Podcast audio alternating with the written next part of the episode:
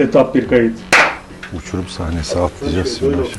Seni daha yakışıklı çekebilmek için. Ya bir şey çıkmıyor. Yani ne kadar zorlasam bir şey olmuyor yani. Kablo buradan düşecek gibi sanki. Çektin galiba. Şu sol kolundan hocamın alırsan. Mutfak yapacaksanız ona göre. Hocam bir eşyam alacağız. Şöyle yapmanız yeterli. Süper.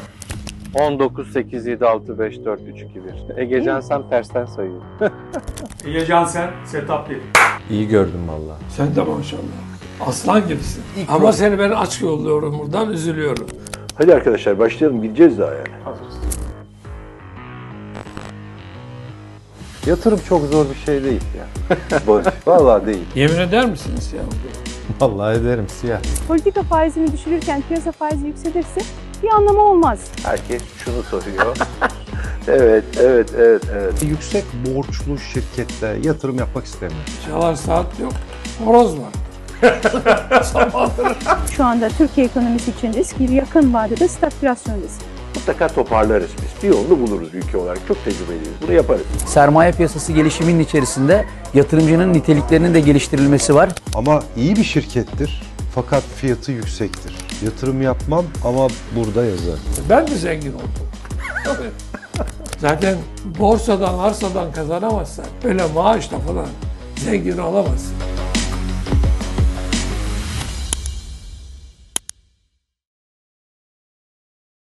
Efendim herkese iyi akşamlar. Akademik Borsa'da Profesör Doktor Yusuf Kader'le birlikteyiz. Hocam hoş geldiniz.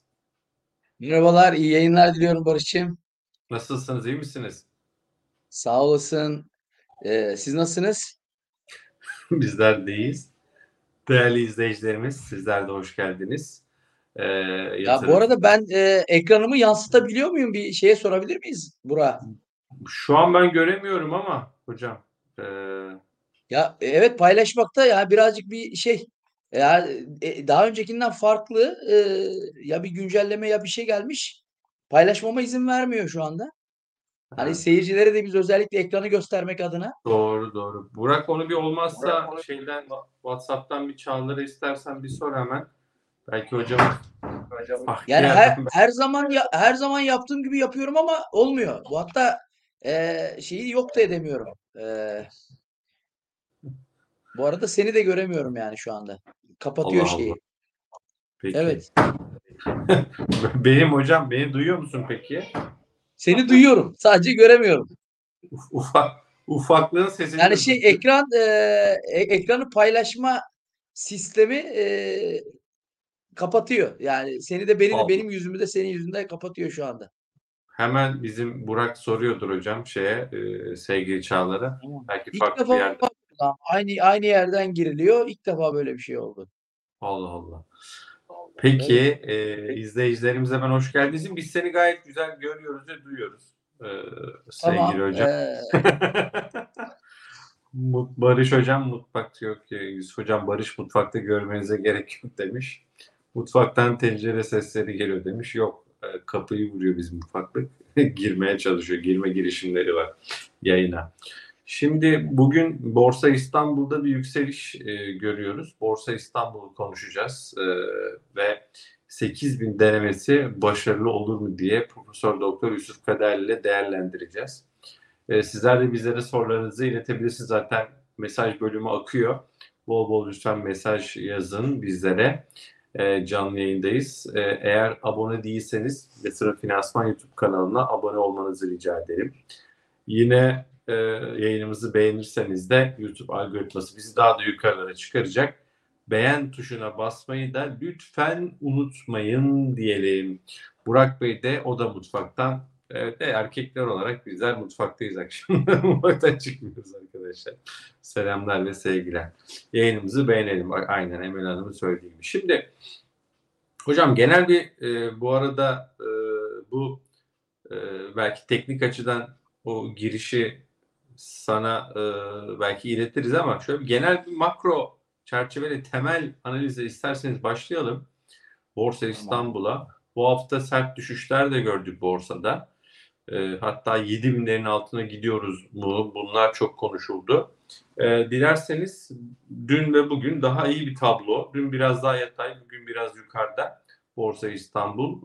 E, ne dersiniz hocam? Dinleyelim sizi. Buyurun. Şimdi temel tarafta eee, bilançolar neredeyse tamamlandı.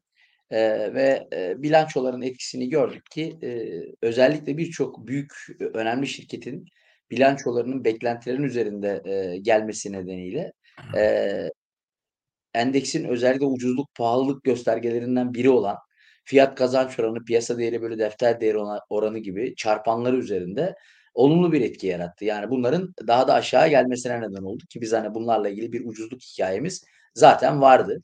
Eee, bu son mali tablolarla beraber beklentilerin üzerinde eee, açıklanan eee, karlar eee, bu ucuzluk hikayesini daha iyi bir hale getirdi. O yüzden eee, işin bu tarafında bence sorun yok. Yani eee, başta BIST 30 şirketleri olmak üzere eee, BIST 100 şirketlerinin eee, son gelen mali tablolardan sonra eee, önemli bir kısmının ucuzluğundan söz edebiliriz. Başka bir hikaye enflasyon. Eee, her ne kadar bir enflasyon hedeflemesi olsa da işte eee 1-2 yıl içerisinde tek haneli rakamlara ineceğimiz konuşulsa da eee, burada özellikle ve özellikle eee, çalışanlara eee, 1,5 ay sonra eee, zamlar yapılacak ve bu zamlar açıklanan enflasyonlar itibariyle hesapladığınızda eee, %50'leri bulacağını tahmin ediyoruz. Yani zaten şu an eee, hak edilmiş bir eee, %38-39 var. Eee 2 aylık daha enflasyon rakamı açıklanacak. Bu, çok rahat eee, %45'lere çekecektir. Eee, hak edilmiş rakam.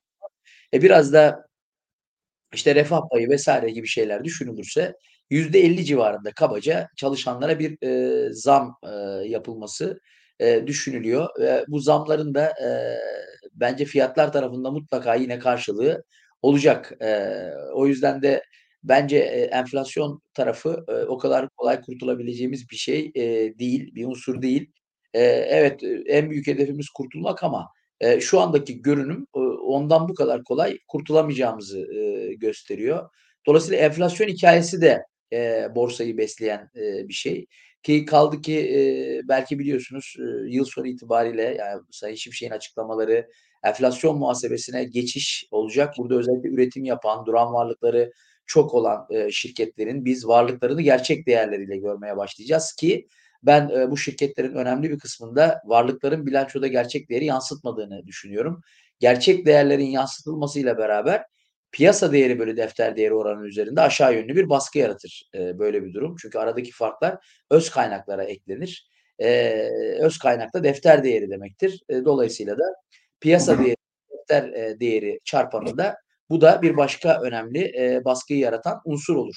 Eee, bu ikisi eee, bir araya geldiğinde eee, temel tarafta endeksin ucuzluk hikayesi devam ediyor. Peki endeks eee, işte eee, savaş hikayesine rağmen, işte yargı krizi hikayesine rağmen neden alıp başını çok sert biçimde aşağı gelmiyor? Nedenleri en önemli nedenlerinden bir tanesi bu saydığımız iki tane hikaye. Endeksin aşağı eee, gelememesinin, sert düşmemesinin eee, ya da çok sert düşüşler olduğunda hemen geri toparlamasının eee, bir numaralı nedeni eee, çok net biçimde söyleyebilirim. Çok bakın kabaca konuşalım. Kabaca diyelim ki endeks al 7000'in altına geldi. Yani 6000'li rakamları görmeye başladık. Şimdi bugünkü FK ve bugünkü PD bölü DD'ye baktığınızda endeksin eğer 6000'li fiyatlamalar söz konusu olursa biz eee BIST 100 FK'yı 5 küsur olarak göreceğiz. BIST 30 FK'yı 4 küsur olarak göreceğiz. Bakın 6000'lere geldiğimizde. Şimdi endeksin geçmişte bu tür eee, yani bu eee, tu- miktarda bir FK ile fiyatlandığı eee, dönemlerde hiçbir kalıcılık görmüyoruz. Yani endeks FK'sı, eee, BIST 30 FK'sı hiçbir zaman 4'lerde, 5'lerde uzun süre kalıcı olmamış. En kısa süre içerisinde tekrar toparlanmış. O yüzden eee 7000'in altına inişlerde eee, tarihi dip seviyelerini görürüz eee, fiyat kazanç oranlarının. Tarihi dip seviyelerinde de dediğim gibi geçmişte kalıcı olmadığı gibi gelecekte de ben bir kalıcılık beklemiyorum. O nedenle de endeksin hem eee, düşüşü eee, biraz nazlı olacaktır hem de eee, düştüğü yerden toparlanması biraz eee, hızlı olacaktır her seferinde. Eee, Evet. ben işte eğer eee, ekranı eee, bağlayabilirsek şeye herkes Bağlayacağız görebilirse- Hocam ip, iple bağlayacağız. bir şekilde Evet. bağlayacağız. Şöyle Evet. Şimdi şöyle yapacağız. Şimdi size hocam bir yayından yayını bir kapatmanızı rica edeceğiz. Bir çıkış yapmanızı rica edeceğiz. Sonra cep Tamam. telefonunuza bakın. Farklı bir yöntemle girişi. WhatsApp'tan Çağlar size yazmış olması lazım. Hemen bakalım. Sonra farklı bir yöntemle hocamızı yayına alacağız. Biz 5 dakika aramızda sohbet edeceğiz. Değerli izleyicilerimizle bir mutfak sohbeti yapacağız. Daha sonra hocam gelmiş mi mesaj? Mail de Bir atmış. mesaj gelmiş. Hemen onu bir e, deneyeceğim Barış'cığım ben. E, şuradan bir çıkış yapalım bakalım önce. Tamam. Tekrar Sizi görüşmek uğurlayalım. üzere o zaman. Hemen Sen e, izleyicilerle sohbet ederken e, ben birazdan Şimdi- geleceğim inşallah. Tamam. E, çünkü ekranı yansıtmam lazım ki endeksin teknik görüntüsünü e, çok daha net ifade edebileyim izleyicilere. Peki. Tamam bakalım. Hocamızı bir uğurlayalım. Biz şöyle baş başa kalalım değerli izleyicilerimizle. Evet ne konuşacağız? Konuşacağımız şey özellikle bizi mutfaktan izleyen bütün dostlara buradan selamlarımızı, sevgilerimizi iletiyoruz. Anladığım kadarıyla e, mutfakta olan erkekler konusunda ben yalnız değilim. Başka bizi izleyen, mutfaktan izleyen dostlarımız da var. E, yok o mutfak o mutfak değil.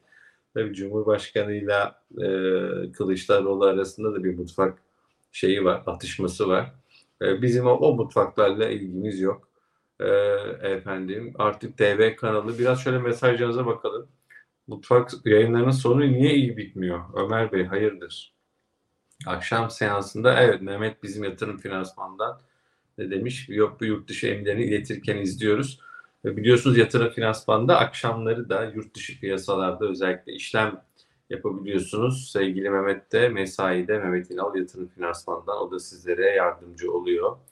Ee, şöyle efendim yorumlara bakıyorum.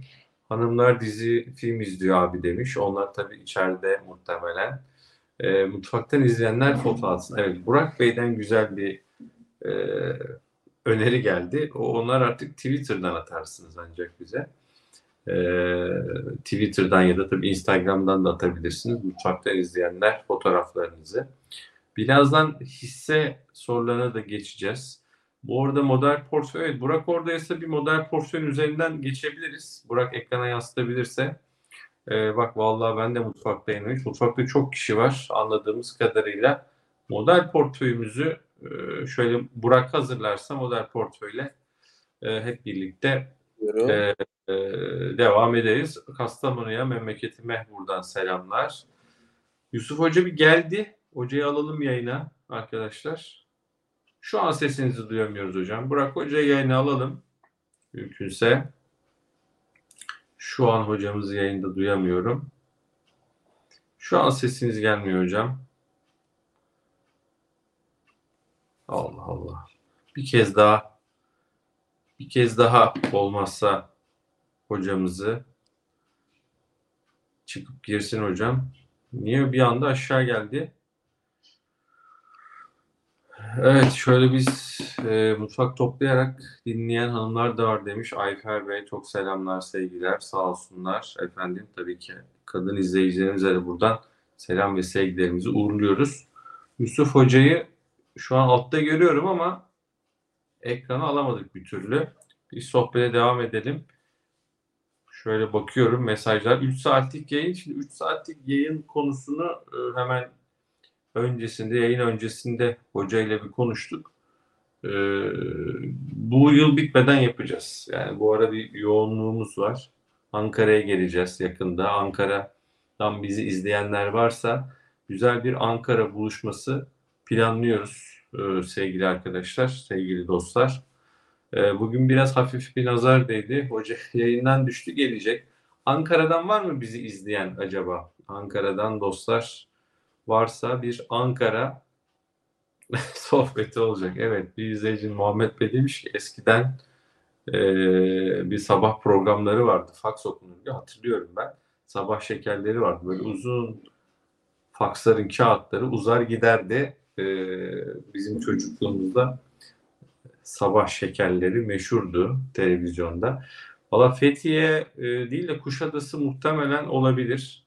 E, onu göreceğiz. Önümüzdeki sene bir Fethiye olabilir Muharrem Bey. Bakacağız. Ee, Ankara'dan selamlar demiş. Evet Bayram Bey, Eyüp Bey Ankara'dan e, Karabük var burada. Gökhan Bey yine Ankara'dan. Ankara'yı yakın zamanda yani 10 Aralık gibi muhtemelen planlıyoruz. ODTÜ'ye Theo Spector, e, ODTÜ'nün üniversitenin bir e, etkinliğine gelmiştim. E, bu sene bakacağız. Nuri Sevgen'le olan yayınları da sabahları biliyorsunuz yapıyoruz. Antalya'ya da muhtemelen geleceğiz Bahtiyar Bey. Kütahya'ya çok yakın zamanda geldik. E, Taşkın, Taşkın Çelik Bey Ankara'ya yine selamlarımızı, sevgilerimizi gönderiyoruz. Serdar Çelik.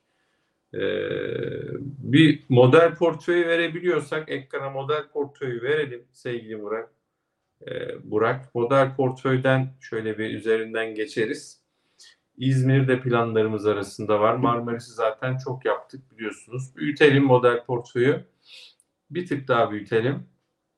Hocamızı altta görüyorum ama ekrana nedense alamadık hocamı. Ben, ben görüyorum siz bir türlü göremiyorsunuz. Ee, şöyle geçelim üzerinden. Reysaş Gayrimenkul Yatırım Ortaklığı model portföyümüzden efendim Emlak Konut yine model portföyde, Sabancı Holding model portföyde, Kardemir'de model portföyde, Türk Telekom. Türk Telekom'u yeni ekledik. Ee, çok yeni bakın 15 Kasım'da Türk Telekom eklendi model portföye. Ya bunu Ee, niye yerinden oynatamıyorum? Heh, hocam şimdi yayına geldiniz. Yayındasınız beni duyabiliyorsanız. Hocam beni yayın duyabiliyor mu acaba? Ayarlar mı? Hocam Nerede? yayın Hocam yayındasınız şu an. Beni göremiyor galiba ama. Evet hocam hocamız yayındaydı arkadaşlar. Bir geldi bir gitti. Şöyle model portföyü bir kez daha ekrana almış olalım. En son Türk Telekom'da e, kalmıştık. Türk Telekom'u yeni ekledik. E, onu söyleyelim. 21.5'tan eklendi. 30 liralık bir hedef fiyatı var Türk Telekom'da. Yine Turkcell e, son dönemde hani iyi de bir performans gösterdiğini takip ettik. Turkcell'de 54.30'dan şu an geçiyor. 54 civarında hedef fiyatımız 85 efendim. Hoca hafiften tabi bağlamayınca olacak. Birçok kimse hoca nasıl gelecek diye bekliyor. Onu da biliyorum. Petkim bizim model portföyümüzde Petkim'de de 33 liralık bir hedef değerimiz var. Yapı Kredi Bankası e, 24.60'lık bir efendim hedef değerle model portföyümüzde. Koç Holding e, ve Pegasus yine model portföyde yatırım finansmanın efendim model portföyünde. Çok kısa bir bilgi. Bakın Borsa İstanbul yılbaşından bu yana BIST 100 endeksinin getirisinden bahsediyorum. BIST 100 endeksinin getirisi değerli dostlar %39 olmuş. Yani sene başından işte Kasım ortasına kadar. Ee, ama model portföyün yılbaşından bu yana getirisi %97.2 olmuş. Onu görüyoruz. Şimdi hocamı eğer mümkünse şimdi alabiliyorsak ekrana alalım. Aşağıda görüyorum. Alabiliyorsak hocamızı yukarıya doğru alalım. Hoca da tabii hafiften bir e, bir an önce bağlanmak istiyor. Yatırım finansal model portföyde hiç yan tahta yok. Neden demiş Önder Bey. Ya şöyle tabii aracı kurumlar genelde e, büyük aracı kurumlar da diyebiliriz. E, rapor yazdıkları yani raporu olan e, hisse senetlerini model portföye alabiliyorlar. Rapor bir kere yazılmayan, raporu olmayan e, hisse senetlerini biz model portföye alma imkanı yok. E, genelde de e, yani borsada işte kaç tane hisse varsa e, o hisselerden daha az sayıda cover ediyor dediğimiz yani daha az sayıda hisse senedinin araştırma bölümleri tarafından incelendiğini görüyoruz. Bu incelenen hisse senetleri de daha çok o büyük yani bu büyük montanlı daha çok işlem hacminin olduğu hisse senetleri. O yüzden yan tahtalarla ilgili bir e, analiz e, rapor her zaman çıkmıyor. Hocam şu an yayındasınız. Beni duyabiliyor musunuz? Barış'cığım hiç e, şey çözemedik.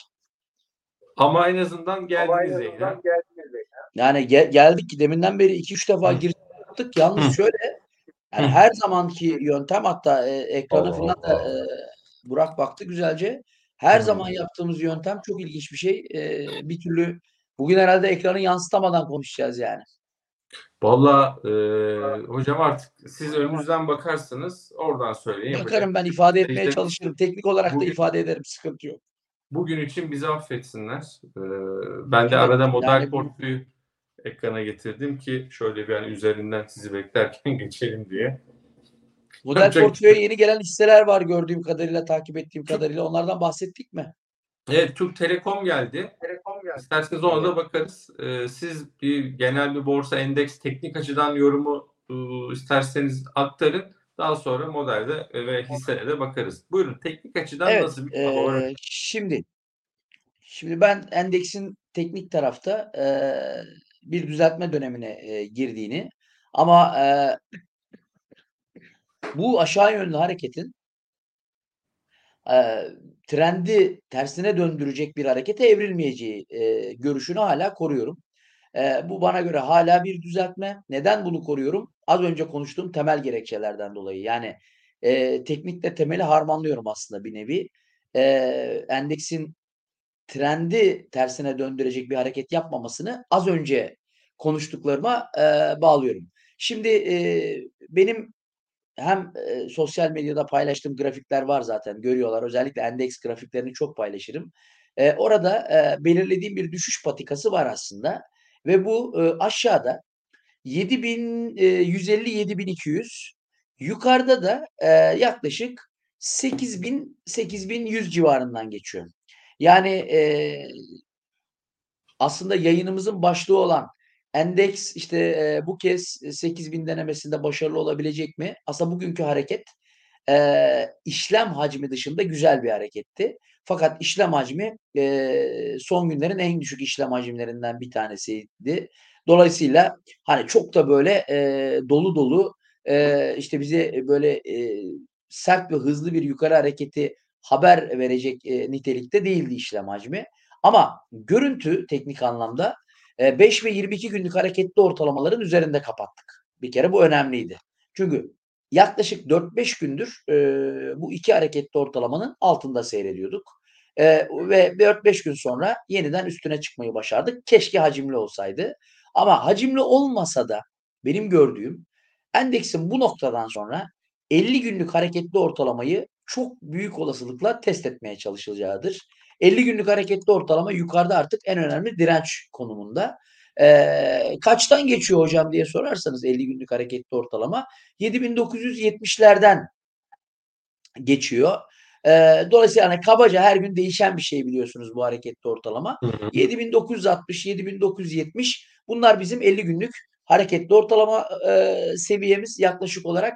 Ben oraya doğru bir atak olma olasılığını kuvvetli görüyorum. O yüzden de yukarıya doğru direnç dediğimiz zaman eee, bizi bekleyen eee, önemli direnç seviyeleri söyleyeyim. Bir tanesi eee, bu noktadan sonra hareket devam ederse ki bana sorarsanız edecek gibi duruyor. Kısa vade için konuşuyorum.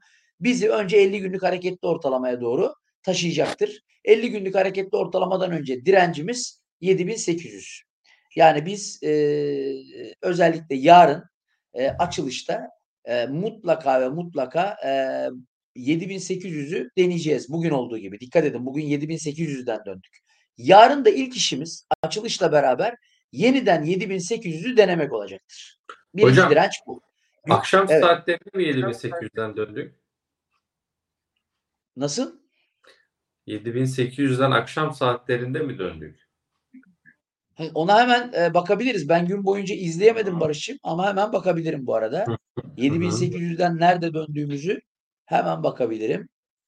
Ee, Şöyle. saatlik grafiğe baktığımızda ee, şimdi şöyle evet akşam saatlerinde dönmüşüz. Ha. Yani son 3 saat barın ikisinde 7800 üstünü test etmişiz. Yani son 3 saatlik barın iki tanesinde 7800 üstü test edilmiş. Dolayısıyla da son saatlerde dönmüşüz. Şöyle e, aslında öğleden sonra haber akışında şu gelişme de vardı. Biliyorsunuz Türkiye İsveç'in e, NATO üyeliğini e, meclisten geçirmek zorunda onay mekanizması anlamında. Ama mecliste onaylanmadan önce komisyonda, Dış İlişkiler Komisyonu'nda görüşülüyor.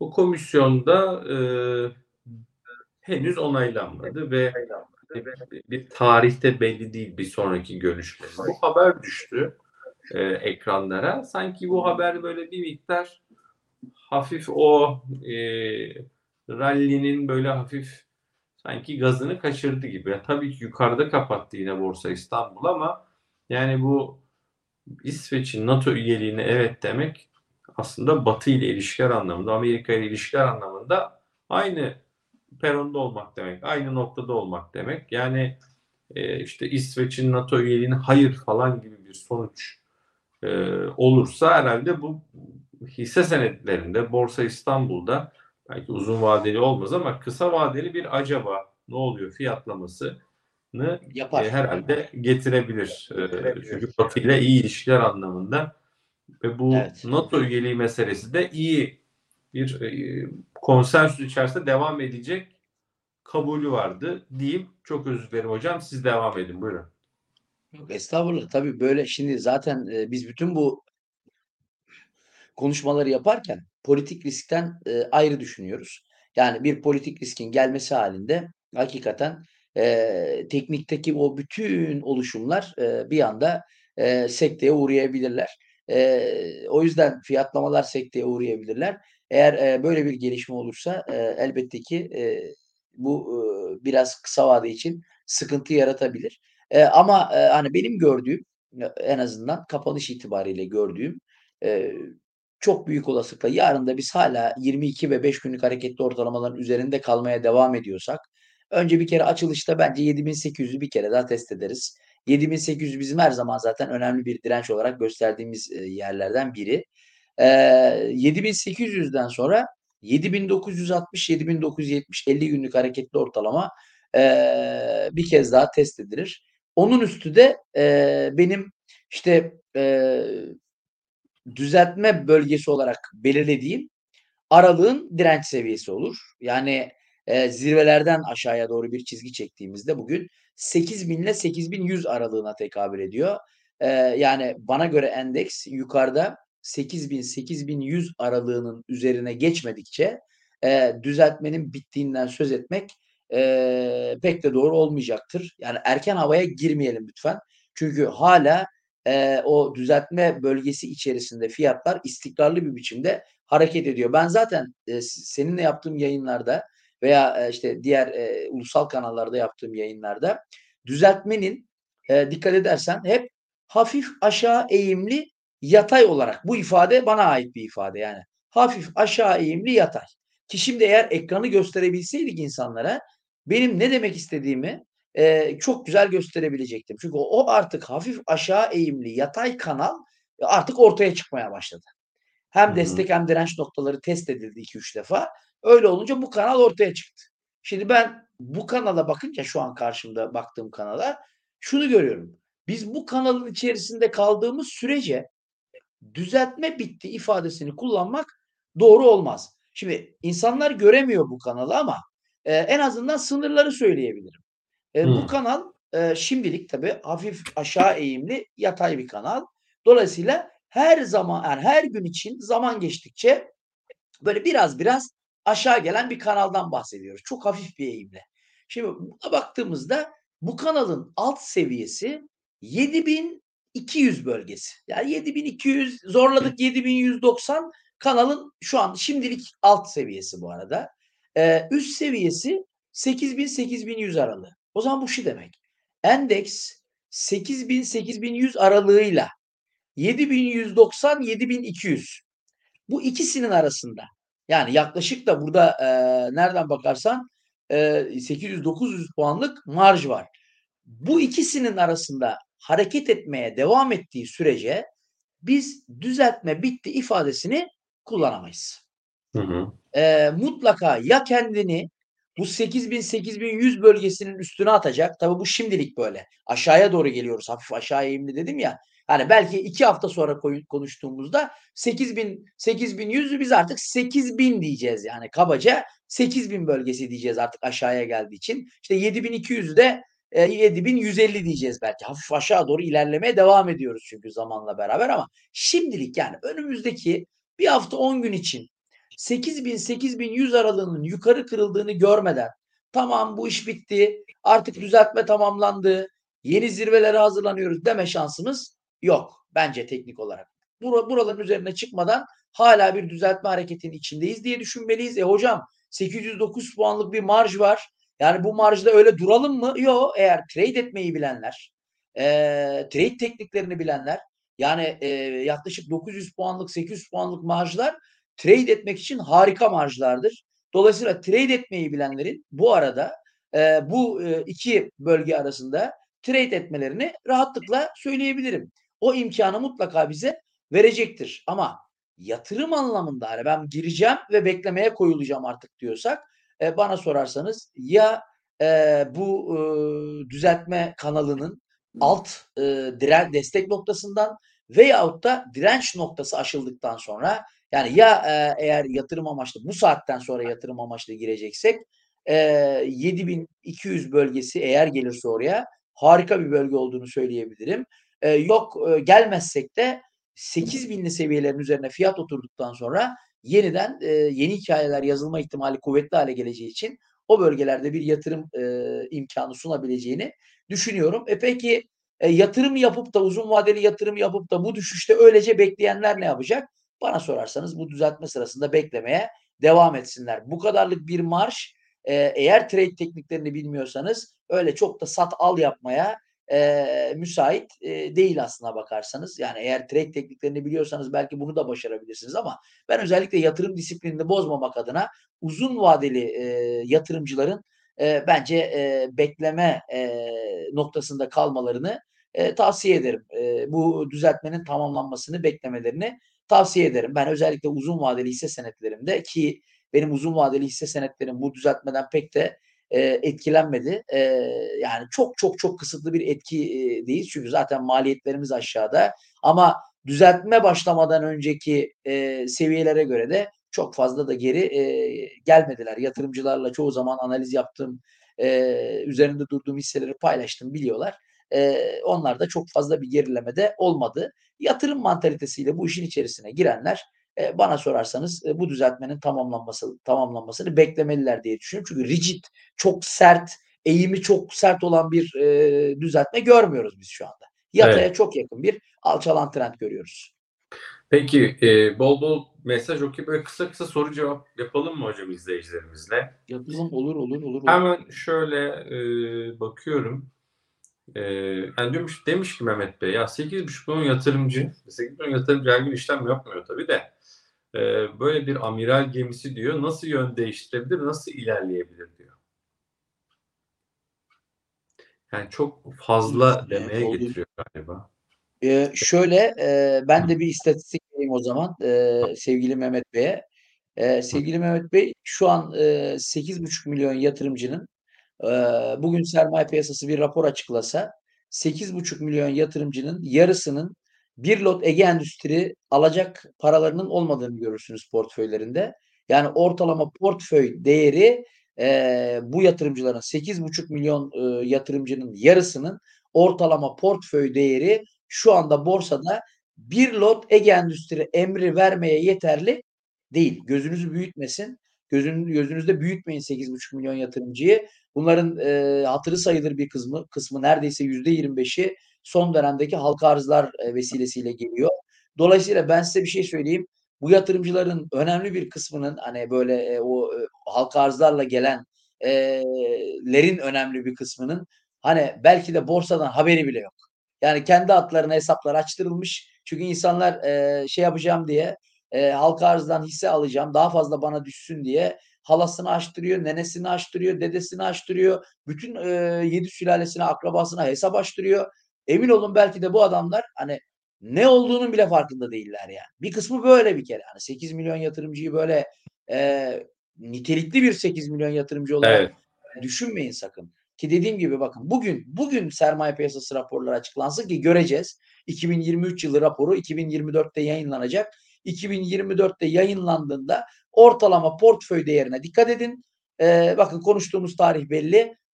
Yarısının bir lot e, Ege Endüstri alacak e, bu emri sisteme gönderecek dahi bir ortalama e, portföy değeri ne yazık ki e, Evet. yok. O yüzden e, sayı Bak- fazla fakat bunların parasal gücü e, çok da e, arzu ettiğimiz noktalarda değil. Evet.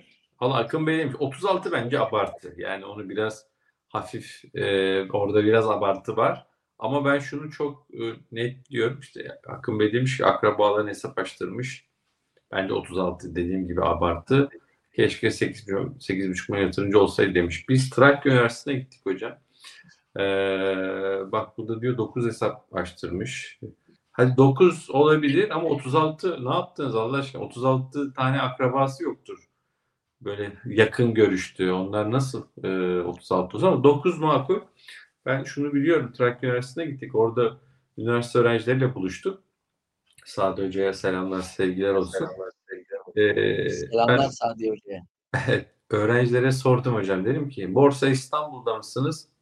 Var mı hesabınız? Neredeyse dörtte üçe el kaldırdı. Eskiden bu el kaldırma işi e, kripto hisse, kripto işlemi yapıyor musunuz deyince herkese el kaldırıyordu. Ondan sonra şimdi borsa deyince el kaldırıyor. Ne yapıyorsun dedim. Halka arza giriyoruz hocam. Nasıl giriyorsunuz dedi. Valla annem babamın adına hesap açtım. Kendi adıma da var. Üçümüzü birden e, diyor biz e, halka arzlara katılıyoruz. Oradan harçlığımızı çıkarıyoruz dediler. Ama Üniversite öğrencileri de böyle borsaya bir hakikaten ilgi gösteriyor. İzmir'e geldiğinizde tanıştırayım. yani. İşte biz Evet. ama biz tabii şunu şunu arzuluyoruz yapmaya çalıştığımız şey halka arzların e, o son dönemdeki cazibesine kapılarak gelmekten ziyade hakikaten buranın bir yatırım mecrası olduğunu, e, burada uzun vadeli yatırım yapılması gerektiğini, e, sermaye piyasasının e, uzun vadeli yatırımcıya daha çok hitap ettiğini, hani bütün e, bunu oturtmak istediğimiz şeyler bunlar ama hani şu kötü. E, elbette ki bakın sayının artması güzel ama halka arzların cazibesiyle gelinmiş olması ve ben şunu net olarak söyleyeyim. Asla ve asla bu sürdürülebilir olmayacak gelecekte. Yani biz geçmişte halka arzlardan sonraki kötü dönemleri de gördük. İşte hiç o- olmadığı kadar e, iyi dönemleri de gördük şimdiki. Ama e, göreceksiniz bu sürdürülebilir olmayacak. Nitekim şeyi de gördük.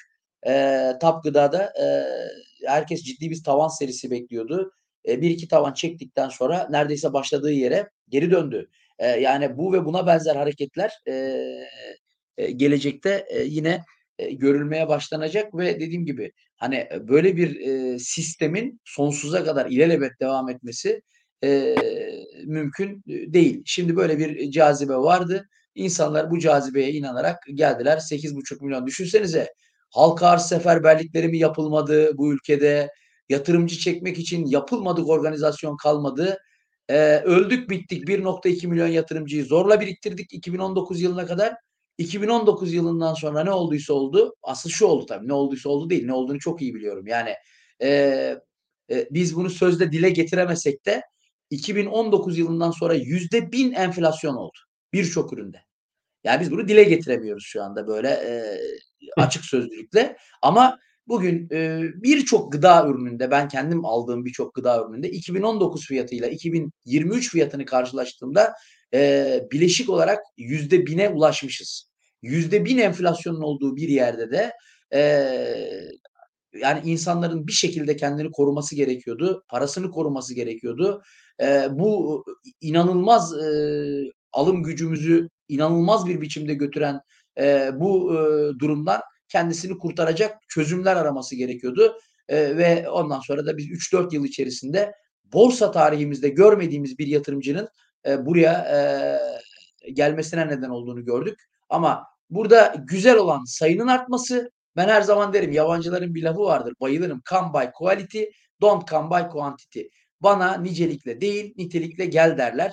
E, biz keşke nicelikle beraber niteliği de arttırabilseydik. Ha bizim zaten aslında misyonumuz yatırım finansman olsun, Yukademi olsun, bizim yaptığımız işbirlikleri olsun. Bütün bu işbirliklerin temelinde zaten bu niteliği arttırmak yatıyor. Yani iyi bir şey yapıyoruz. hiç olmazsa nicelik artarken e, bu kişilerin ne kadarının çoğunun niteliğini arttırabilirsek o kadarı sermaye piyasasını geliştirmek için e, kardır diye düşünüyoruz. E, ve e, bu güzel işbirliklerini de sürdürmeye devam İş- ediyoruz yatırımcıyla. Evet. Hocam e, birkaç Türk Hava Yolları çok soruldu. E, bir Türk Hava Yolları yapalım. Sonra şu Hüseyin Demir Bey'i bir rahatlatalım. Hüseyin Bey tamam Astor'la ilgili yorum yapacak. Ben soracağım. Lütfen daha fazla mesaj atmamanızı rica ediyorum. Çünkü çok kalabalık oluyor üst üste atıyorsunuz. Astor'u soracağım ama önce bir Türk Hava Yolları yorumlasın. Şimdi e, hatırlıyor musun? İki hafta önceki yayında e, hocam Türk Hava Yolları harika bilanço açıkladı. Buradan alır mısın diye bir soru yönelttin bana. E, ben de e, alçalan trendini çizdim. E, dedim ki e, 221'de şimdi almaktansa 231'de kendimi daha güvenli hissederim dedim. E, nitekim 231'de alçalan trendi kırıyordu. E, ve öyle de oldu. Özellikle zaten e, çok güzel bir kar. Arkasından da 10 yıllık bir e, anlaşma çerçevesinde yaklaşık 355 tane yanılmıyorsam, e, yani bu yanlış olabilir ama buna yakın rakamlar e, uçak e, alacağına dair e, işte e, kap bildirimi, haberler. E, Türk Hava Yolları'nın yani piyasa değerine bakıyorsun, almak istediği uçakların değerine bakıyorsun. Bu ne diyorsun yani? E, zaten biz bunun ucuz olduğunu söylemiştik. Hatırlarsanız şu ifadeyi kullanmıştım. Türk Hava Yolları bu fiyatlardan bedava ama teknik analiz henüz alım için uygun e, hale gelmedi demiştim. Şimdi artık özellikle e, 231'den sonra teknik analizde uygun hale geldi. Ama e, önünde e, şunu söyleyeyim, e, çok önemli bir engel var e, teknik anlamda. Hemen e, sizle konuşurken onu da çizeyim, tam yerini de Tamam. söyleyeyim. Evet. Evet, Yani Semra şimdi- Atmış daha hiç eğitim almamış bir trade eğitimine gelse anlayabilir mi? Valla eğer hiçbir şey bilmiyorsa e, önce temel borsa eğitimine gelmesi lazım ya da çok temel anlamda bir teknik analiz bilgisi olması lazım. Yani çok temel anlamda teknik analiz bilgisi olmadan gelmesin ya da temel borsa eğitimini aldıktan sonra e, gelsin. E, dolayısıyla da e, hani anlamama ihtimali var ne yazık ki onu söyleyeyim. Türk Hava Yolları tam da e, önemli bir direnç noktasında kapatmış. E, bana sorarsanız e, özellikle ve özellikle kritik seviye bu saatten sonra 244 kapatmışız. Önce 250 sonra da 255 seviyesi yukarıda kritik seviye. Türk Hava Yolları'nda artık e, bu iş tamamen bitti. Artık e, yeni bir yükseliş dalgası başlıyor e, diyebilmemiz için e, fiyatın e, 255 TL'yi geçmesi lazım. Şu hareket Türk Hava Yolları'nı 255 TL'lere doğru götürür. Bu çok büyük bir olasılık. E, ama ondan sonra belki bir miktar e, dinlenmesine neden olabilir. Ama 255 geçilirse söyleyeyim e, önce e, tarihi zirve olan 270'li rakamlara gideriz. Devamında da e, kısa vadeli hedef seviyelerinden biri olan 300'leri test etmeye doğru bir hareket görürüz. Ama e, bana göre kritik seviye 255'tir. Yani diyeceksiniz hocam neden 255? Alçalan trenddeki en son gördüğü zirve 255 TL olduğu için. Yani aslında tam teknik olarak çizginin ötesine geçmekten ziyade bir önceki zirvenin üstüne çıkmak esastır. Bir önceki zirvede 255 olduğu için bence bu bilanço, bu haberler bu şirketi 255 lira taşıyacak gücü zaten taşıyor. Daha yukarıları da aslında taşıyor temel anlamda. Ama teknik anlamda 255 e, geçildikten sonra daha güzel hareketler görürüz Türk Hava Yolları'nda. Yeter ki orası geçilsin. Eğer e, dediğim gibi 255 geçilmeyecekse o zaman oradan bir dinlenme dönemi yeniden kısa vadeli bir dinlenme dönemi başlayabilir. Ama hikaye 255'ten sonra yukarı doğru çok başka Peki. olduğunu e, söyleyebilirim şimdilik. Geri dönüşlerde de yani özellikle e, şuna dikkat etsinler. 5 günlük hareketli ortalamamız yarın itibariyle 240 civarında olacak. 240 e, önemli bir e, destek seviyesi olacak. İşte 225 e, ikinci önemli destek seviyesi olacak geri çekilmelerde. Ama ben Türk Hava Yolları'nın özellikle endekste bugün işlem hacmi düne göre daha düşük. Türk Hava Yolları'nda işlem hacmi düne göre daha yüksek. O yüzden ben Türk Hava Yolları'nı biraz iştahlı görüyorum. E, 255'lere kadar e, gidecek olan e, bir yükselişi çok normal karşılarım. Eee, dediğim gibi oranın üstünü zaten söyledim. Önce 270'li sonra 300'lü Peki. rakamları deneme potansiyelini karşımıza getirir böyle bir durumda. Hocam e, beyefendi çok sormuştu. E, ama hani böyle çok her çok soranı yazarsak bu bizim sohbet bölümü çok karışır. Sizlerden ricam e, hani yazın sonra bir, bir süre geçsin gerekirse bir daha yazın ama üst üste copy paste copy paste yapmayın çünkü hiç e, güzel görünmüyor e, sohbet. Diğer izleyicilerimizin hakkını yiyor gibi oluyoruz. Astor sorduğu izleyicimiz ne dersin hocam? Evet. Şimdi siz sorarken tabii Astor benim yakın zamanda ne trade için ne de yatırım için yatırım yaptığım hisse senetlerinden biri değil ama şöyle bir baktım. Eee Astor'da ana trendi yükselen trend ve eee, bu yükselen trend içerisinde eee, bir alçalan ikincil trendin içerisinde yer alıyor ama hani henüz eee, Türk Hava Yolları gibi değil durumu. Yani o hala eee, alçalan trend içerisinde devam ediyor. Hatta alçalan trend çizgisini hani eee, kırmak için de daha aşağıda yani henüz alçalan trend çizgisini eee, zorluyor diyebileceğimiz bir durumda söz konusu değil. Ama hani benim gördüğüm kadarıyla şöyle eee şöyle çizersek evet. Şimdi bu hisse senedi şu anda eee, 5 ve 22 günlük hareketli ortalamaların altında önemli direnç benim gördüğüm 22 günlük hareketli ortalama 119. Bugün oradan geri dönmüş. Yani orası çalışmış aslına bakarsanız. Eee, yukarı doğru gitmesi için önce 119'un geçilmesi lazım. 119 geçilirse bir anda kendisini hem 50 günlük hareketli ortalama hem de alçalan trendin çizgisi üst üste binmiş. Yani iki tane direnç orada bana göre çok kuvvetli hale getirir. Yani hem eee, başlamış olan eee, ikincil alçalan trendin direnç seviyesi hem de eee 50 günlük hareketli ortalama gibi çok önemli bir hareketli ortalama tam üst üste binmiş durumda. Kaç liradan geçiyor orası? O da 127'den geçiyor. Demek ki yukarı doğru iki tane eee, direnç noktası net.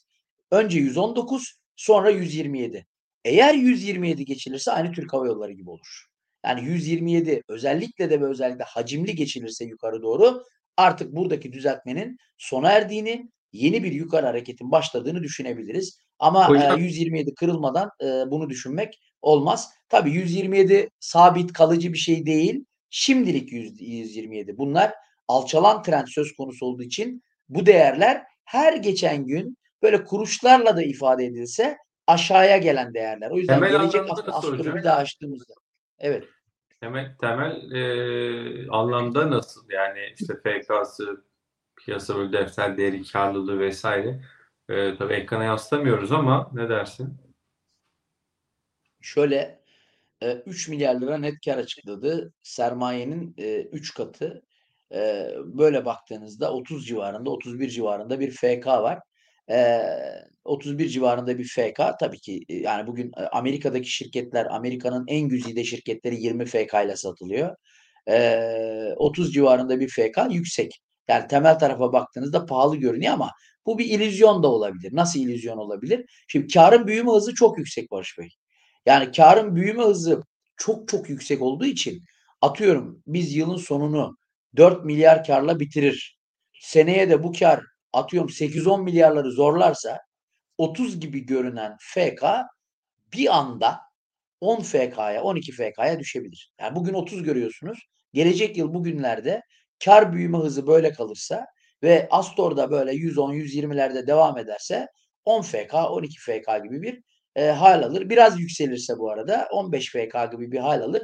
Çok çok aşırı pahalı olmaktan çıkar. O yüzden hani bu böyle bir e, bazen bizi yanıltabiliyor. Büyüme, kar büyüme hızı yüksek şirketlerde yaşıyoruz. Sasa böyleydi biliyorsunuz. Hektaş böyleydi ama ikisinin de ne yazık ki en azından orta vade için sonu güzel olmadı yani. Ne Hektaş yatırımcısı neredeyse bir yıldır memnun ne Sasa yatırımcısı memnun. Ben e, Astor'daki kar büyüme hızına bakılması gerektiğini, karın büyüme hızında bir yavaşlama sezildiği anda aynı Sasa'daki, Hektaş'taki e, mağduriyetlerin, e, geri dönüşlerin yaşanma ihtimalini kuvvetli gördüğüm şirketlerden biri. Ama buradan demiyorum bakın.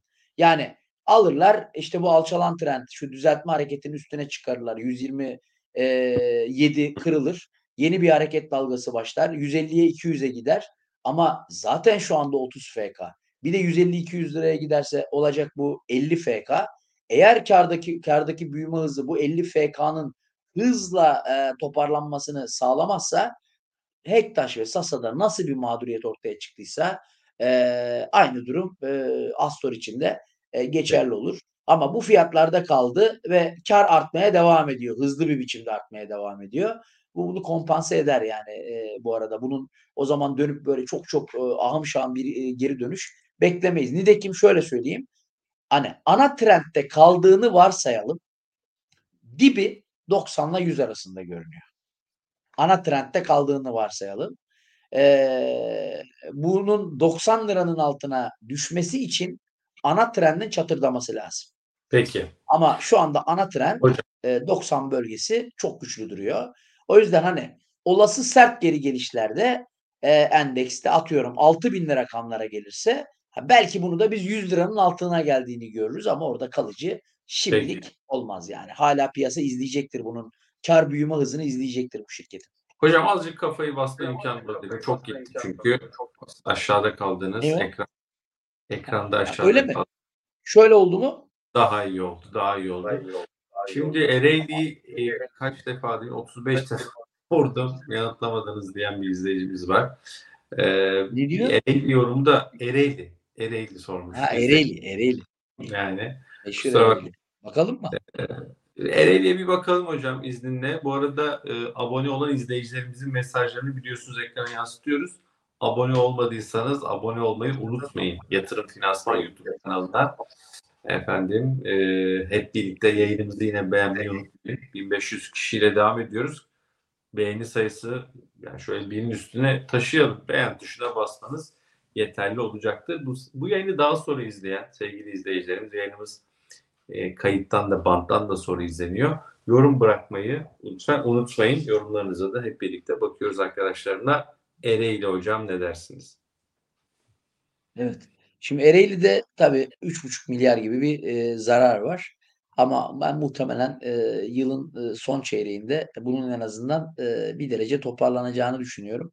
E, fakat e, bu zarara rağmen piyasa değeri böyle defter değeri Ereğli'nin 0,83, defter değeri de yaklaşık 46 lira.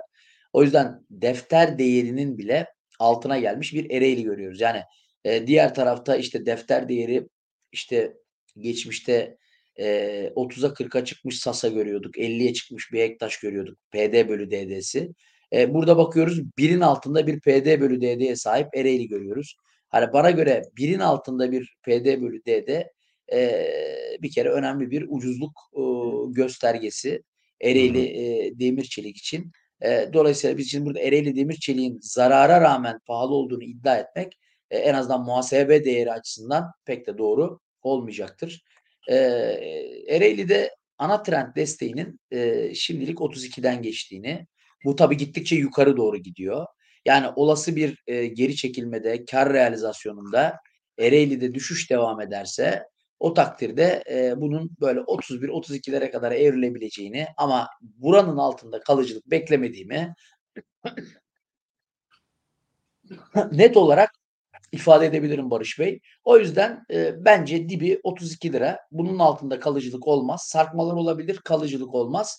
E, bu bölgelere yaklaşıldığında uzun vade düşünenler için e, bir imkan e, yaratabilir. Ben uzun vade beklerim e, diyenler için güzel bir imkan yaratabilir. Aynı diğer şirketler gibi ikincil bir e, alçalan e, trend yaşamaya devam ediyor. İkinci alçalan trendin içinde ve direnç noktasından çok uzakta. O yüzden Ereğli Demirçelik'in bugünden yarına teknik anlamda hemen kendini toparlayabileceğini düşünmüyorum. Ee, Ereğli Demirçelik tam da e, bu ikinci alçalan e, trend kanalının tam da ortasından işlem görüyor. E, o yüzden hani dönsek e, zirveyi yoklasak yoklayacağımız yer e, 41-42'ler. E, ama 41-42 geçilmedikçe alçalan trend kırılmamış olur. Henüz düzeltme tamamlanmamış olur. Ana trend içerisinde düzeltme yaşamaya devam ediyor. Ama bu tabii alçalan olduğu için temkinli olmakta fayda var. En iyi alım yerinin şöyle olduğunu söyleyebilirim. 34 ile 32 arası çok iyi bir alım yeri. Özellikle uzun vadeli e, düşünen e, yatırımcılar için. Evet. Trader içinse e, 41 e, önemli bir direnç seviyesi. Buraya dikkat etsinler. Eğer 41'e doğru bir atak görürsek o bölgenin geçilmesi düzeltmenin bittiği anlamına gelir. Ama henüz dediğim gibi bunun için bir şey söyleyemem. Tam da düzeltmenin kanalının ortasında işlem görüyor. Peki. Çok kısa bir hisse arayayım. Şöyle bir kısa soru cevap Veli Bey diyor ki borsada e, hacim çok düşük. Hikaye bitti mi yoksa daha yolumuz uzun? Yani herkes şunu söylüyor. Hikaye kalmadı, katalizör katalizör kalmadı Borsa İstanbul'da. Katılır mısın? Bir de hacim hakikaten ya bu kadar düşmesi biraz yıl sonu etkisi mi? Bilançolar bitti. Hani ya hikayesizlik var. Ne diyorsun? Tabii tabii. Yani dediğin gibi bilanço beklentileri bitti. Eee, ondan sonra eee, tabii e, biraz yabancı ilgisi de eee, kendisini geriye çekti. Eee, bütün bir araya geldiği zaman hacimde bir eee, düşüş görüyoruz. Eee, ama ben şöyle söyleyeyim genel olarak e, şunu demiştim. Bir düzeltme patikasının içerisindeyiz. Bir düzeltme yolu var. O yol içerisinde zaten aşağı yönlü olduğu için hacmin de böyle çok da aşırı olmasını beklemiyorum demiştim. Daha da eee, önceki yayınlarda. Yani e, be- bence bu kanal içerisinde devam ettiği sürece zaten çok ahım şahım bir e, e, şey görmeyeceğiz. Yani aşağı gelmekte olan, trend olarak aşağı gelmekte olan bir piyasada niye hacim arayalım? Borsada e, sağlıklı fiyat hareketi şudur. Yükselirken yükseliş trendlerinde yüksek hacim, alçalan trendlerde düşük hacim. Yani sağlıklı olan hareket budur. Hani bana sorarsanız bunu olumsuz görmek yerine ya bir düzeltme yaşıyoruz, aşağı geliyoruz. Zaten sağlıklı olan aşağı gelirken hacmin geri çekilmesidir. O yüzden de bunu böyle okumak lazım bana sorarsan. Peki. Şu anda hacmin geri çekilmesini fiyatın geri çekilmesiyle birlikte düşünüp aa sağlıklı bir şey oluyor diye düşünmemiz lazım. Nerede hacim atmalı? Bu bahsettiğim alçalan trend yani o hafif aşağı eğimli olan trend yukarı kırılırken ciddi bir hacimle olmalı bu. Böyle başlamalı e, hareket. Ha o zaman deriz ki evet kurtulduk o bölgeden ve hacimli de kurtulduk. Hadi bakalım yeni bir yükseliş dalgası başlıyor. Kendimizi hazırlayalım deriz. O yüzden bence buradaki hacim düşüşünü böyle aşırı olumsuz okumamak lazım. Peki. Ee, hadi enerji sa- sormuş Eyüp Bey. Ee, yavaş yavaş sonuna doğru gelirken enerji sayı için hocam bir yorum rica edelim. Şöyle enerjisa çoğu eee, işte eee, bu vergi etkisinden kaynaklı yaklaşık 13 milyar civarında bir eee kar elde etti. Ha bunu hani çoğu derken hani a- 6-7 milyarlık kısmı vergi ama geri kalanı gene 5-6 milyarlık kısmı da esas faaliyetlerinden eee, geldi. E, dolayısıyla e, bana sorarsanız e, çok istikrarlı bir mali tablo büyümesi var. Zaten e, ödediği temettüler her yıl bir öncekine göre daha yukarıda. 6 seneden beri non-stop istikrarlı temettü ödemesi var. Tam bir e, büyüme ve temettü şirketi konumunda ve zaten biz bu arada bunun bu kadar güçlü olduğunu nereden anlıyoruz biliyor musunuz Barış Bey? E, endeksin düzeltmesi hafif aşağı eğimli yatay, enerji sahanın düzeltmesi hafif yukarı eğimli yatay. Yani enerji sağ bu son dönem düşüşten hiçbir biçimde etkilenmiyor. 50 ile 58 arasında yatay bir bantta ısrarla hareket ediyor. Ve eğimi hafif yukarı doğru. Bu anlamda endeksten de ayrışıyor. O yüzden e, özellikle endeks düzeltmeden kurtulduktan sonra ben enerji sahanın 58 ve 59'un geçmesiyle beraber kendisini o yatay banttan yukarı atacağını ve artık ondan sonra ilk hedefinin 3 haneli rakamlar olacağını, orta uzun vadeden bahsediyoruz tabii. Yani hemen 60 liradan 100 liraya gitmeyecek ama hani en azından 100 liraya gidecek olan hareketi artık başlatacağını düşünüyorum böyle bir durumda. Ama endeks düzeltme yapmaya devam ederse e, biz enerji sahada yaklaşık olarak işte 50 ile 58 arasında e, işte Evet. 50'den bazen sarkıyor bir 47'lere 48'lere ama orada kalıcı olmuyor. İşte böyle 50 e, 58 arasında ufak tefek sarkmalar olsa da e, yola e, devam edeceğini, düzeltme dönemini bu aralıkta e, geçireceğini, en azından bu yatay trendi aşağıya kırmayacağını düşünüyorum. Peki hocam Ee, bir saati açtık. Siz yola çıkacaksınız Ankara'ya. İstersen o duyuruyu Evet ben e, evet evet nasipse Ankara'ya trade eğitimi çok güzel bir trade eğitimi için yine İstanbul'da harika geçmişti e, yatırımcılarla. E, inşallah aynısını e, Ankara'da e, tekrar edeceğiz. E, çok güzel bir e, trade eğitimi bekliyor olacak. Amacımız e, yani yatırım yapmayı bilimsel olarak öğretiyoruz ama illa da alsat yapacağım diyenler için bunu da bilimsel yapsınlar. Yani çok güzel trade teknikleri var. Trade'in mantığı, tekniği, psikolojisi her şeyini konuştuğumuz, türlerini konuştuğumuz genellikle trade'den anlaşılan day trade olarak anlaşılıyor ama yanlış. Trade'in bir sürü türü var. Hemen hemen bütün trade'lere e, dokunacağımız, trade türlerine dokunacağımız çok güzel bir eğitim e, Ankaralıları bekliyor olacak. E, buradan da katılımcıları e, bekliyoruz. Özellikle e, temel borsa eğitimi aldılarsa Hı. veya e, bir temel anlamda bir teknik analiz bilgisine sahiplerse e, bekliyoruz. E, o arada yani her e, yayında eğitimlerimizden bahsediyoruz. Bunun için sadece Duygu Hanım'ı aramaları gerekiyor. 0 e, 539 825 93 26 nolu telefon. Tekrar ediyorum. Hı. 0 539 825 93 e, 26 Al. Evet, e, Duygu'nun e, Ekranda yansıttık. Yukademi AŞ'nin telefonu. Müşteri temsilcimiz Duygu Hanım. Onu arayıp e, rahatlıkla e, bütün detayları kendisinden öğrenebilirsiniz. Peki. Ee, bir anonsumuz daha var. Onu da ben söyleyeyim. Yatırım finansman yeni hesap açanlara, yeni yatırımcılarımıza Stokis Pro hediye ediyor. İki aylık bir hediyemiz var. Ee, eğer yatırım finansmanda hesap açarsanız, yatırımcımız olursanız e, efendim Stokis Pro e, Tuncay'la olan programlarda da biliyorsunuz bol bol analiz ediyoruz o programı kullanarak e, Borsa İstanbul'da hisse senedi bulmak, hisse senedini analizini yapmak, yorumlamak için e, adeta bir yapay zeka teknoloji size yardımcı oluyor, hızlandırıyor, işleri kolaylaştırıyor. Dolayısıyla bu programı e, ücretsiz bir şekilde iki ay kullanabiliyorsunuz. Yatırım finansmanında hesap açarsanız. Hesap açılış linkimiz var açıklama bölümünde. O linke tıklayarak online bir şekilde hesap açılışı yapabilirsiniz. Kayıt bırakabilirsiniz. E, dolayısıyla böyle bir imkanımız da var. E, bu arada 2024 için bizim de çok güzel planlarımız var. E, çok kısa bir şey vereyim. Çok ufak bir ipucu. Hocamla da zaman zaman konuşuyorduk. Finans kamplar olur, eğitimler olur. 2024'te çok iddialı komisyon oranlarıyla karşınıza çıkabiliriz. O bu bu güzel. Bu çok güzel. Yani Çünkü hocam- zaten gerçekten e, Evet.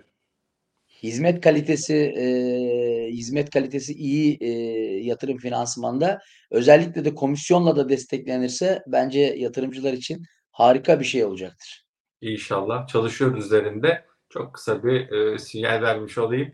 E, çok teşekkür ederiz. Jingle fon müziğini zil sesi olarak isteyen takipçileriniz var diyor. Emre Bey, Kastamonu'ya selamlar. Emre Bey, ben onu ilettirmeye çalışacağım. Benim de telefonum öyle çalışıyor. Bizim yatırım finansmanın müziği, jingle müziğiyle çalıyor. Onu da bu sene yaptırmıştık.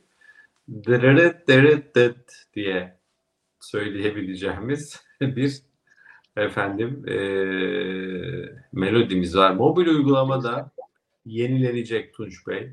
Hakikaten çok büyük bir dijital dönüşüm projesi şu an içeride ilerliyor. Eee, yani hakikaten böyle bir süper mobil uygulama gelecek. Eee, adı gibi eee, bir süper app planlanıyor. İnşallah onları hep birlikte karşılayacağız. Eee, hep birlikte konuşuruz. Eee, sevgili hocam, o zaman Ankara için numaraları da verdik. Eee, artık son yerlerdir sanırım izleyicilerimiz meraklı olan eee, ama bir, temel bir az çok yani bilmek gerekiyor. Bir trade eğitimi olduğu için onu söyleyelim. Eee, merak edenler arayabilirler, Duygu alabilirler. Ankara eğitimi nerede diye soranlar var. Ee, Çankaya'da Green Park Otel'de. Hı hı. Çankaya'da Green Park. Biz de Ankara'ya geleceğiz kısmetse. Ee, onu söyleyeyim. Gırgır dırdır işine geleni okuyorsun demiş. Acaba ne yazdınız yukarıda? Gırgır Bey. Gırgır diye bir dergi vardı hocam biliyorsunuz eskiden. Ee, yukarıda biliyorum, biliyorum. göremedim. Ee, ne demiş? Ha hadi şunu söyleyelim. Gır gır dır dır şunu sormuş. Kapatıyorduk ama gır gır beyi kırmayalım. Hocam ekonomik kriz dönemlerinde borsada FK oranı kaçtı acaba rica etsem ya da nerede bulurum geçmiş FK oranlarını demiş. Örneğin mesela 2001'de Yani- FK kaçtı? Ne bileyim 94'te kaçtı? Görebiliyor muyuz? Şöyle görebiliyoruz ama e, şimdi e, benim önümdeki programdan e, bir bakayım.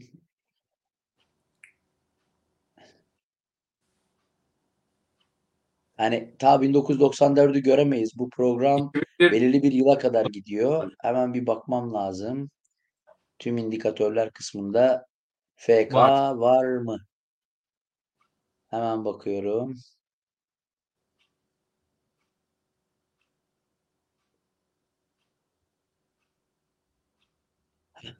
Evet.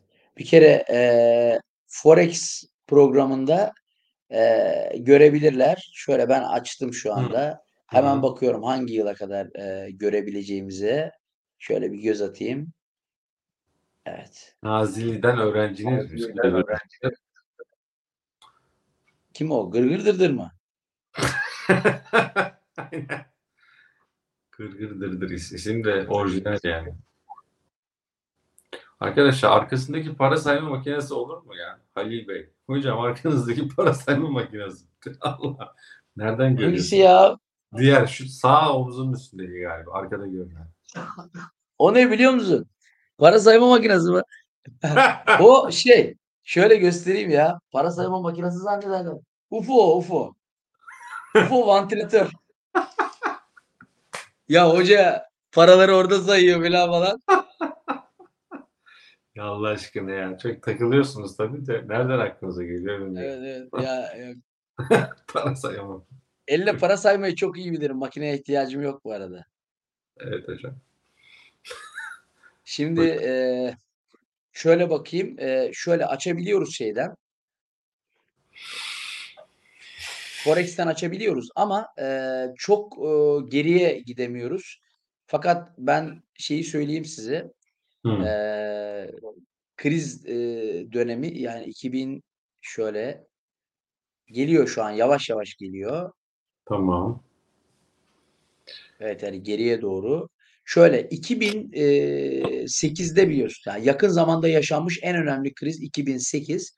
Biz 2008 e, döneminde FK'yı 5 civarında gördük. E, zaten bugün borsa 6000 lira rakamlara düşerse BIST 100 FK'yı yine 5 civarında göreceğiz. Yani e, 2008 krizini herkes çok çok iyi hatırlıyor. 2008 krizinde e, düştüğü yerlere düşmüş oluyor ki şöyle söyleyeyim ben bu geçen e, rally başladığında hani bu son rallimiz başladığında endeksin e, FK'sı bırakın 5'i 4 ile 5 arasına düştü. Yani 2008 krizinden önceki e, seviyelere a- e, 2008 k- krizindeki seviyelerin altına kadar e, düştü. Evet. Ama orada kalıcı olmadı işte bakın. Yani Peki. 4 ile 5 FK arasında ya da 5 ile 6 FK arasında hiçbir zaman kalıcı olmuyor. Hiçbir Ya zaman dolar- kalıcı olmuyor. Biz bunu evet. Dolar bazlı kaçtı hocam ya? 1.3 mü? Oranın dibine neredeyse asla inmiyor. 2000 Evet ama bak e, Barış'cığım o konuda çok iddialı bir şey söyleyeyim mi? dolar Dolar bazlı. bazlı. Evet. Evet yani o inmeme konusunda 1.3 böyle. o 1.3 Heh, 1.3. 4 yıllık bak bir- bak 1.3 4 yıllık yatay trend sırasında. Şimdi biz bu yatay trendi 4 yıllık yatay trendi çok kuvvetli bir işlem hacmiyle kırdık. Bu da 200 ile 220 dolar arası kırılan bölge. O yüzden bana sorarsan Hı hı. bak eee, borsa ne kadar sert geri gelirse gelsin şu fiyat kazanç oranı P- PS PD bölü DD ile ve dolar bazlı 4 serilik bölgenin aşırı yüksek hacimle kırılması nedeniyle bence 200 doların altında artık kalıcılık olma ihtimali ben düşük görüyorum. Ada- Hani o 1.3 4 yıldır devam eden 1.3 artık 200-220 aralığına taşındı. Artık bana sorarsan dolar bazlı yeni dip 200 dolar. Peki. 200 Ahmet Okan. altı yok. Bu soruyu hocamızla beraber yanıtlayacağız. kış kampı olacak mı? 100. yazışım oldu demiş. Kış kampı kesin olacak. Ee, yer ve oteller konusunda anla. Özellikle biraz biz finans kamp gibi üst düzey bir hizmeti, üst düzey bir organizasyonu sizlere olabilecek en uygun fiyatlarla sunmaya çalışıyoruz. Çoktan olurdu. Yani giderdik e, lüks bir oteli e, fiyat ne, ne derlerse dersin tutardık. Fiyatımız da bu derdik. Ama biz böyle istemiyoruz. İstiyoruz ki katılım yani daha çok insan katılabilsin. E, çünkü ekonomik şartları çok çok iyi biliyoruz. Uzamasının nedeni bu. E, biz şu anda birçok otelle görüşme halindeyiz. Hem bizim kampı ya- yapacak özelliklere sahip olması lazım hem de bize nispeten göreceli olarak diğerlerine göre biraz daha iyi bir teklif vermesi lazım ki sizlerin daha çok katılabileceği bir e, duruma sokabilelim e, kampı. O yüzden kış kampının yapılacağı konusunda hiçbir problem yok. Ama bunun açıklanmasını 15-20 gün sonra bütün takvimi yani yatırım finansmanla çalışıyoruz. E, 20 gün içerisinde hem gelecek yılın şehir eğitimlerinin hangi şehirlerde, hangi tarihlerde olacağını hem de finans kampların nerelerde olacağını e, inşallah 20 güne kadar e, açıklamış olacağız. Zaten olduğu zaman buradan da bir duyuru yaparız Barış Bey'le. Bizim peki belediye başkan adayları gibi oldu. Onlar da Aralık ayında açıklanacak. Bizde finans kamp. Ya finans kamp, kış kampı e, valla ilk olacak. Onu söyleyelim. Ben e, hocamın aklına da ben soktum. Hocam dedim. Aynen aynen. Bu- Yani bu aynı zamanda e, Barış Vallahi Bey'in benim fikri. Yani hiç yapmadık. etmeyin. Bugüne kadar hep böyle Evet. e, deniz kenarında hep böyle bahar kampı, yaz kampı gibi oldu. Ama e, kış kampı inşallah çok güzel olacak. Yani güzel bir yer olacak ve çok da e, ben ilk defa e, yapacağımız için çok güzel geçeceğini düşünüyorum. Evet inşallah e, yatırımcılarımızı bekleyeceğiz. O duyuruları da yaparız. Biz de Ankara'ya geleceğiz. 10 Aralık gibi duyurulara önümüzdeki hafta kısmetse başlarız. Ufak bir e, tüyo vereyim. Hocam çok teşekkür ederiz. Vallahi ağzına sağlık. Ben, te- Ee, ben teşekkür ederim. Sağ olun. Haft- Sağ olun. Haftaya bir bakalım. Bir Perşembe belki olmuyor. Belki e, başka bir gün boşluk olursa yapabilir miyiz? Ona bakarız. Senin de uygunluğun olursa. Ee, ama bu akşamlık ağzına sağlık. Güzel bir hafta, güzel bir eğitim. Ankara'ya selam ve sevgilerimizi iletiyoruz. Ee, Sağ olun. iyi yolculuklar Ben de dilerim hocam. çok selam ediyorum bütün katılımcılara. Teşekkür ediyoruz. Sağ olun. Görüşmek dileğiyle. Görüşürüz.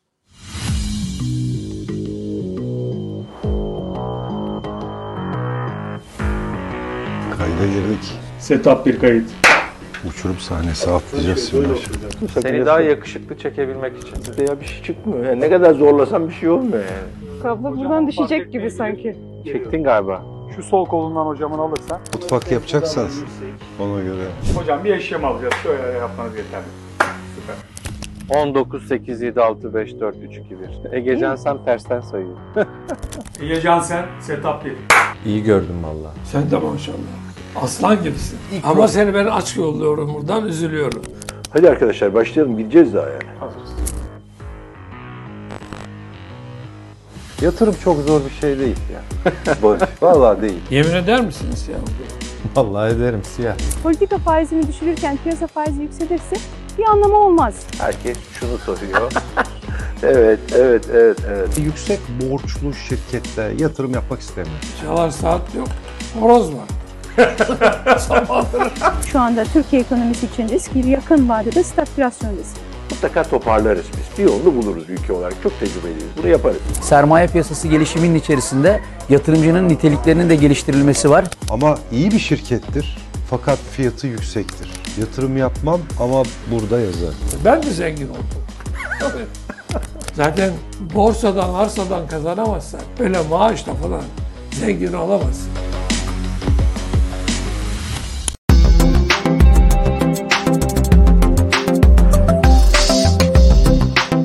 Yatırım Finansman